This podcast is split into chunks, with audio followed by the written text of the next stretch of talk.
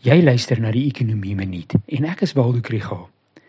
Die COVID-19 pandemie en onlangse voedselprysinflasie het gevolge ingehou vir verbruikers en kleinhandelkruideniers.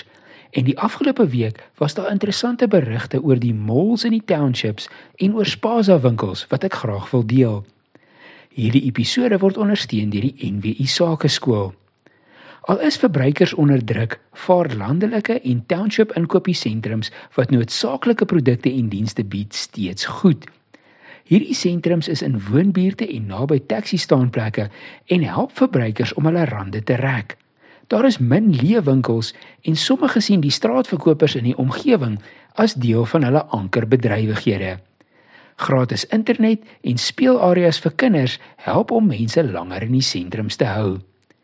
Verder wys navorsing dat byna 'n derde van alle kos in Suid-Afrika by Spaza winkels gekoop word. Hierdie deel van die kleinhandel het oor die afgelope jaar met 23,6% gegroei teenoor die 14,7% in die meer moderne kleinhandel se kettingwinkels. Die informele mark kan vinnig op veranderende verbruikersvoorkeure reageer en word minder aan bande gelê deur beerdkrag. Spaza winkels herverpak produkte in kleiner hoeveelhede om dit bekostigbaar te maak en by sommiges kan jy op skuld koop.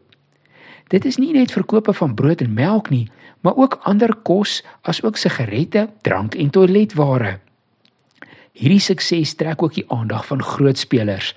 Tiger Brands het 170 produkte wat nou meer as 46000 informele winkels bereik. Hulle beplan ook om meer te adverteer en yskaste te voorsien aan Spaza winkels.